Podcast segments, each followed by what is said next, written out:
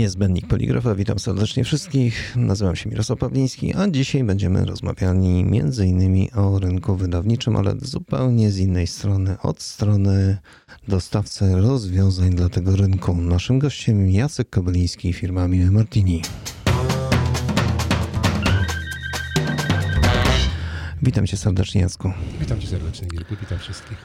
E, chciałbym się dowiedzieć, jak dzisiaj oczami Mile Martini wygląda ten rynek, bo jednak e, ostatnie kilka lat zupełnie zmieniły, przewartościowały ten rynek. E, ja zawsze mówię, w takiej sytuacji, że rynek zmienia się bardzo dynamicznie, tak? Żyjemy w bardzo ciekawych czasach i jeżeli chodzi o sytuację ekonomiczną i też społeczno-demograficzną, tak? Ostatnia sytuacja z pandemią pokazała, że będziemy zawsze przez świat i przez życie zaskakiwanie. I ważne jest, żeby się adoptować bardzo szybko. Szybko oceniać sytuację i bardzo szybko się adoptować.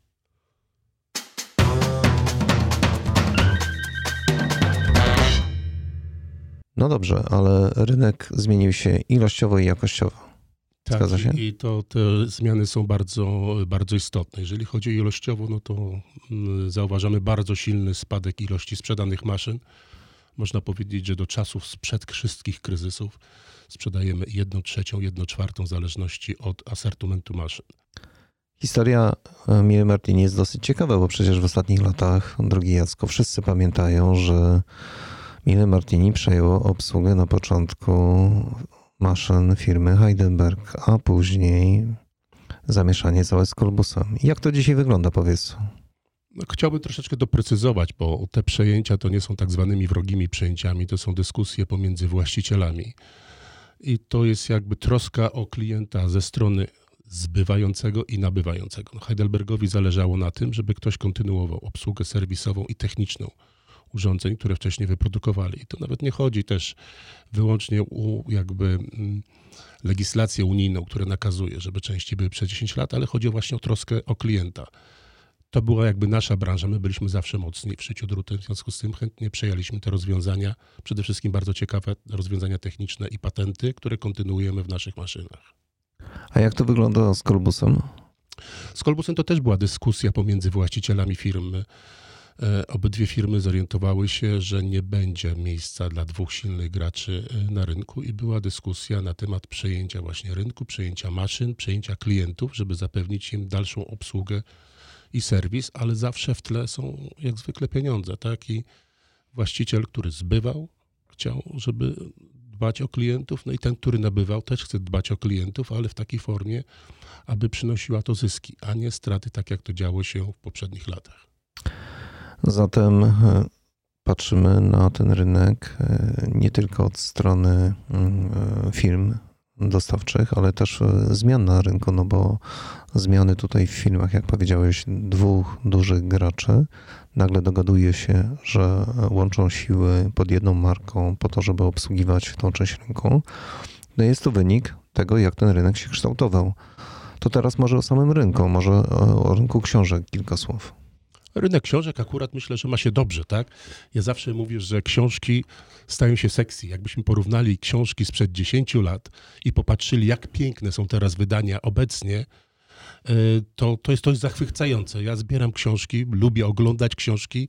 Mam wiele książek, których nawet nie czytałem, ale dlatego je zbieram, bo, bo mi się po prostu podobają.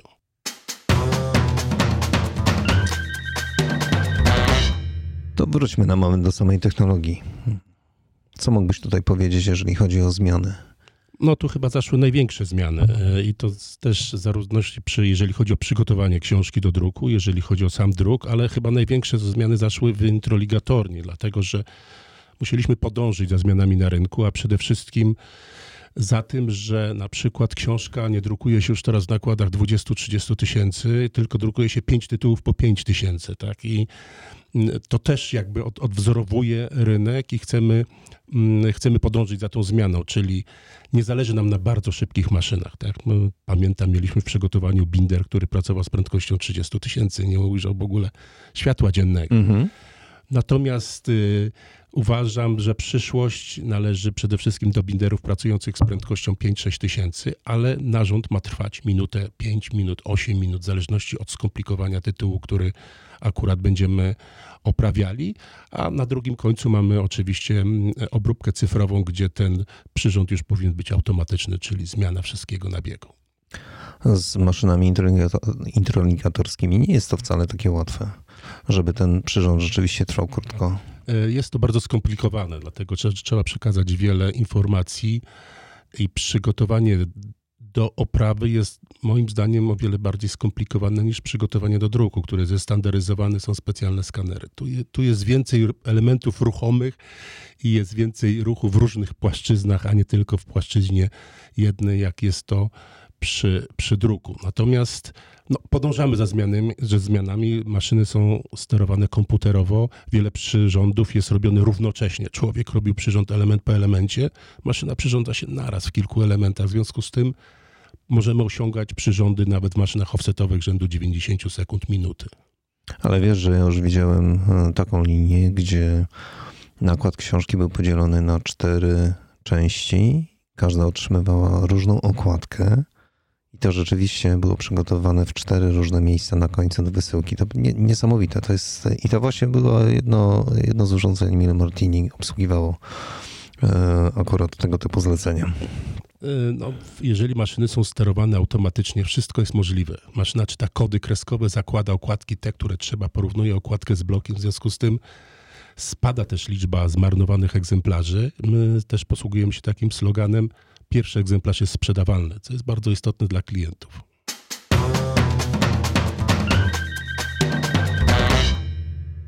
Mille Martini jest jedną z niewielu firm, która od początku jest zaangażowana w przemysł 4.0.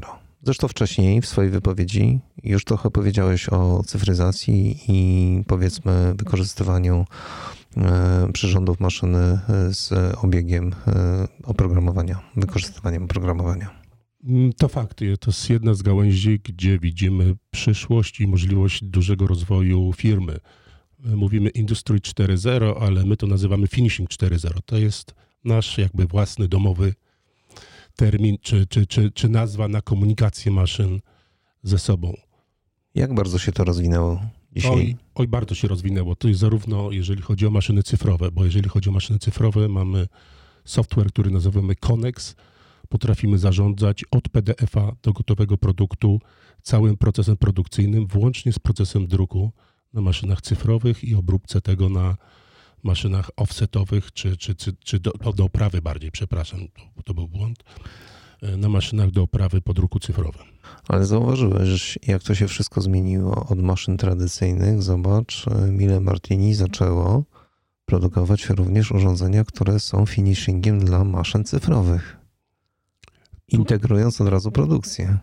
Tak jest, ale to myśleliśmy o tym dużo wcześniej niż zrobiło się to modne, czy bardzo szeroko wykorzystywane. Ten software właśnie, o którym wcześniej wspomniałem, Connex, powstał bardzo, bardzo dawno temu po to, żeby właśnie wesprzeć drukarzy cyfrowych i żeby mogli łatwiej zapanować nad całym procesem. Uważamy, że proces finishingu jest o wiele bardziej trudny niż proces druku, w związku z tym i on wpływa jakby na finalną jakość produktu, w związku z tym jakby ta część produkcji powinna zarządzać też produkcją związaną z drukiem. Czy inteligatoria Mille Martini jest tylko i wyłącznie dla dużych drukarni? E, nie. E, zaczynamy od maszyn entry level, czyli takie podstawowe maszyny. To są maszyny, które produkują maksymalnie z prędkościami 1000-1200 egzemplarzy na godzinę w takim reżimie offsetowym, natomiast no, poniżej 1000 w, w reżimie cyfrowym, ale to przy założeniu, że każdy egzemplarz jest w innym kształcie, w innej grubości.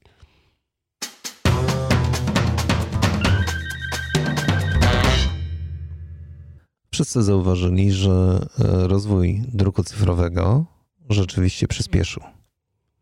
Natomiast e, jak to wygląda realnie? Bo wcześniej to był tak, że, że królem był offset i ewentualnie coś cyfra zyskiwała. A czy w drugą stronę ten proces również zachodzi teraz?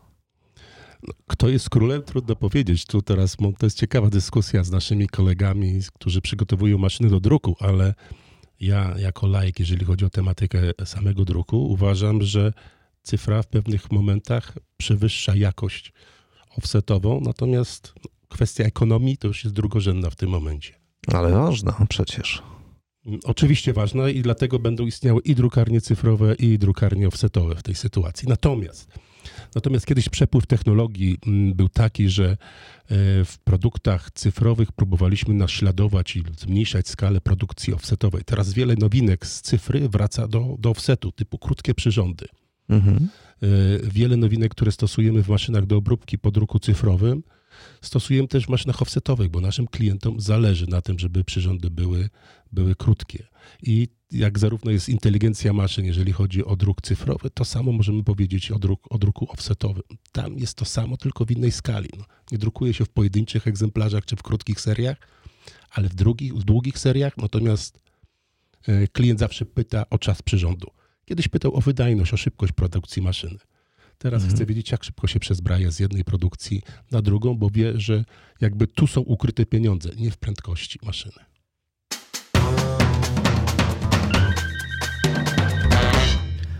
No dobrze, ale Mille Martini zawsze słynęło z tego, że robi cudowne urządzenia mniejsze i większe, a ja ostatnio słyszałem, zresztą sam to powiedziałeś, że jesteście w stanie zrobić jedną maszynę pod jednego klienta i taką instalację zrobiliście w Polsce. E, tak, to był bardzo ciekawy temat. Ja się bardzo cieszę, że udało nam się e, sprostać wymaganiom naszego klienta, który szukał maszyny mm, do obróbki po cyfrowym. Mm, e, nie zależało mu na dużych wydajnościach, natomiast zależało mu bardzo na jakości produktu. Mamy swoje maszyny, które dedykujemy temu rynkowi, natomiast klient był bardzo związany silnie z marką Kolbus i bardzo by chciał mieć Kolbusa do małych czy średnich nakładów, e, którego my nie produkowaliśmy. No i tutaj poszukaliśmy wspólnie rozwiązań. Powstała maszyna KM610M, produkująca z maksymalną prędkością 5000, więc idealnie trafiła w zainteresowania klienta. Tu szukaliśmy rozwiązań e, na bazie maszyny KM610A i tak powstała dosyć unikalna, czy unikatowa bardziej Y, konstrukcja KM610M, maszyna, która mm, pracuje wolniej niż KM610A, natomiast sprostała wszystkim wymaganiom naszego klienta. Ja Ale chcesz, chcesz, powiedzieć, że to jest jeden egzemplarz tylko i wyłącznie na cały świat? Y, myślę, że powstały tylko dwa takie egzemplarze. Jest to egzemplarz taki pomostowy pomiędzy szybkimi, dużymi maszynami, a właśnie maszynami cyfrowymi. Klient produkuje średnie nakłady, natomiast maszyna, która była przez nas dedykowana, czyli generalnie przez Miller Martini, do tego, do tego typu produkcji, czyli Pantera została zaprzestaliśmy jej produkcji, powstanie niebawem następca, ale że życie nie lubi próżni. Nie chcieliśmy stracić klienta przede wszystkim z tego powodu, że no, obiecaliśmy załatwić mu jakieś ciekawe, zorganizować jakieś ciekawe rozwiązanie i tu wspólną dyskusją wyprodukowaliśmy maszynę pod takim, na, pod nazwą KM610M, żeby odróżnić od, od tej głównej maszyny KM610A. Gratuluję, to naprawdę niesamowite wyzwanie. Jest to ciekawe wyzwanie. Ja jestem bardzo zadowolony, no bo jesteśmy jednak firmą, która produkuje duże serie, duże ilości maszyn, a tu dostosowaliśmy się do indywidualnych potrzeb klienta, żeby to zrobić. A chciałem jeszcze wrócić a propos tych dużych serii y, maszyn, które, które produkujecie. Czy połączenie z Kolbusem spowodowało, że mm, przewartościowaliście E, całą swoją, całe swoje portfolio maszyn? Zniknęły któreś? Oczywiście ten proces trwał kilka lat. Chcieliby, chcieliśmy, aby klienci jakby zagłosowali swoimi zamówieniami. E, chcieliśmy zobaczyć, które maszyny powinny zostać, które nie, no bo wiadomo, że w pewnych segmentach kanibalizowaliśmy się. Produkowaliśmy maszyny i Kolbus, i, Kolbus, i, i Miller Martini no i przyszedł czas na wybór. Tak? Rynek się e, jakby ustosunkował do tego, rynek zagłosował i teraz jest moment właśnie, kiedy zmieniamy całkowicie portfolio maszyn, czyli albo powiedzmy stabilizujemy na, na poziomie pewnych produktów.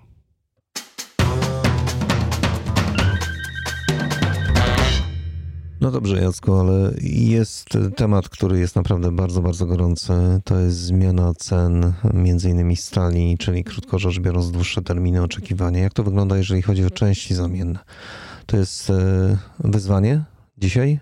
E, potężne, bo można powiedzieć, że no, nie chciałbym generalizować, ale wiele łańcuchów dostaw zerwało się i to z wielu powodów, tak właśnie brak dostępności stali, bo to, że ona poszła 100% do góry, to jest jeden temat, ale drugi temat jest taki, że nie ma tej stali, ciężko to kupić. To, że fabryki pracowały w pewnych reżimach, nie mamy dużych stoków części zamiennych, tak?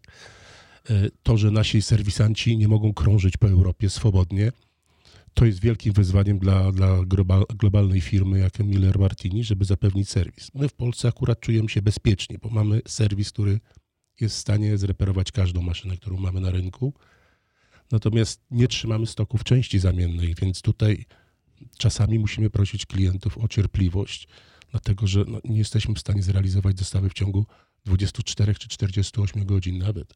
Wtedy A. szukamy technicznych rozwiązań, żeby maszyna mogła pracować. Ale jest to już trochę taki kłopot globalny, krótko rzecz biorąc. Jest to kłopot globalny, wszyscy musimy mm, z nim żyć, natomiast e, my też staramy się zapobiegać. No, dla nas istotne jest też, żeby maszyna pracowała, a żeby dobrze pracowała, istotny jest też tak zwany serwis prewencyjny.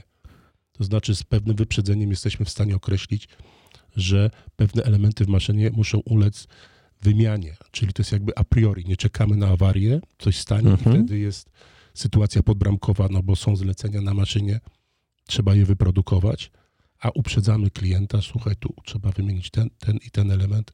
Klienci dostają bardzo szczegółowe raporty, na podstawie których mogą reperować maszyny z wyprzedzeniem, czy przygotowywać.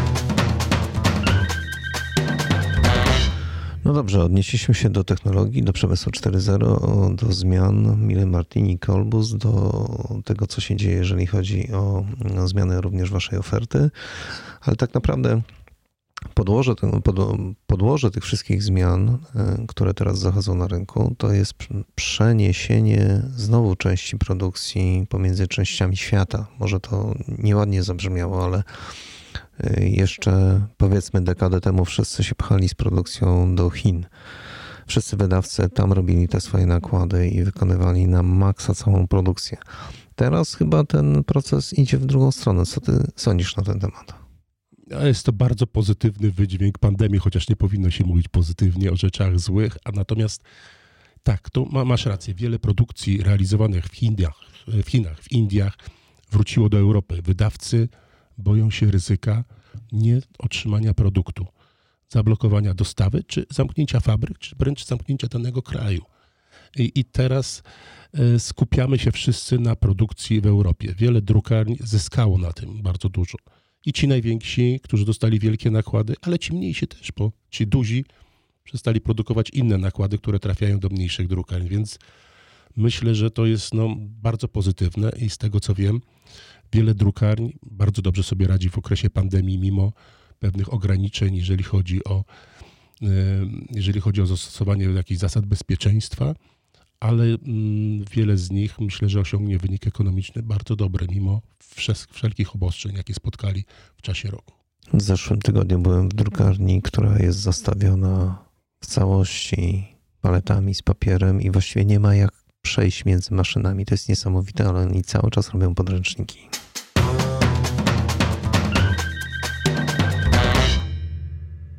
Nietypowe może pytanie, jeżeli chodzi o tą część e, naszej rozmowy, ale ekologia w Mille Martini. Czy to jest w ogóle temat, który, nad którym Mille Martini się pochyla?